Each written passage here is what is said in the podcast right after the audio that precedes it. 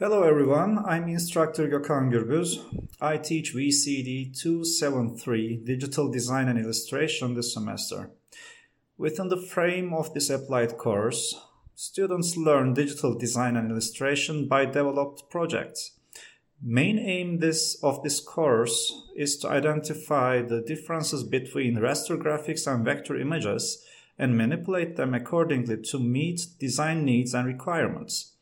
Students learn digital drawing techniques with the convenient vectoral graphics softwares and tools in order to create and develop their own projects.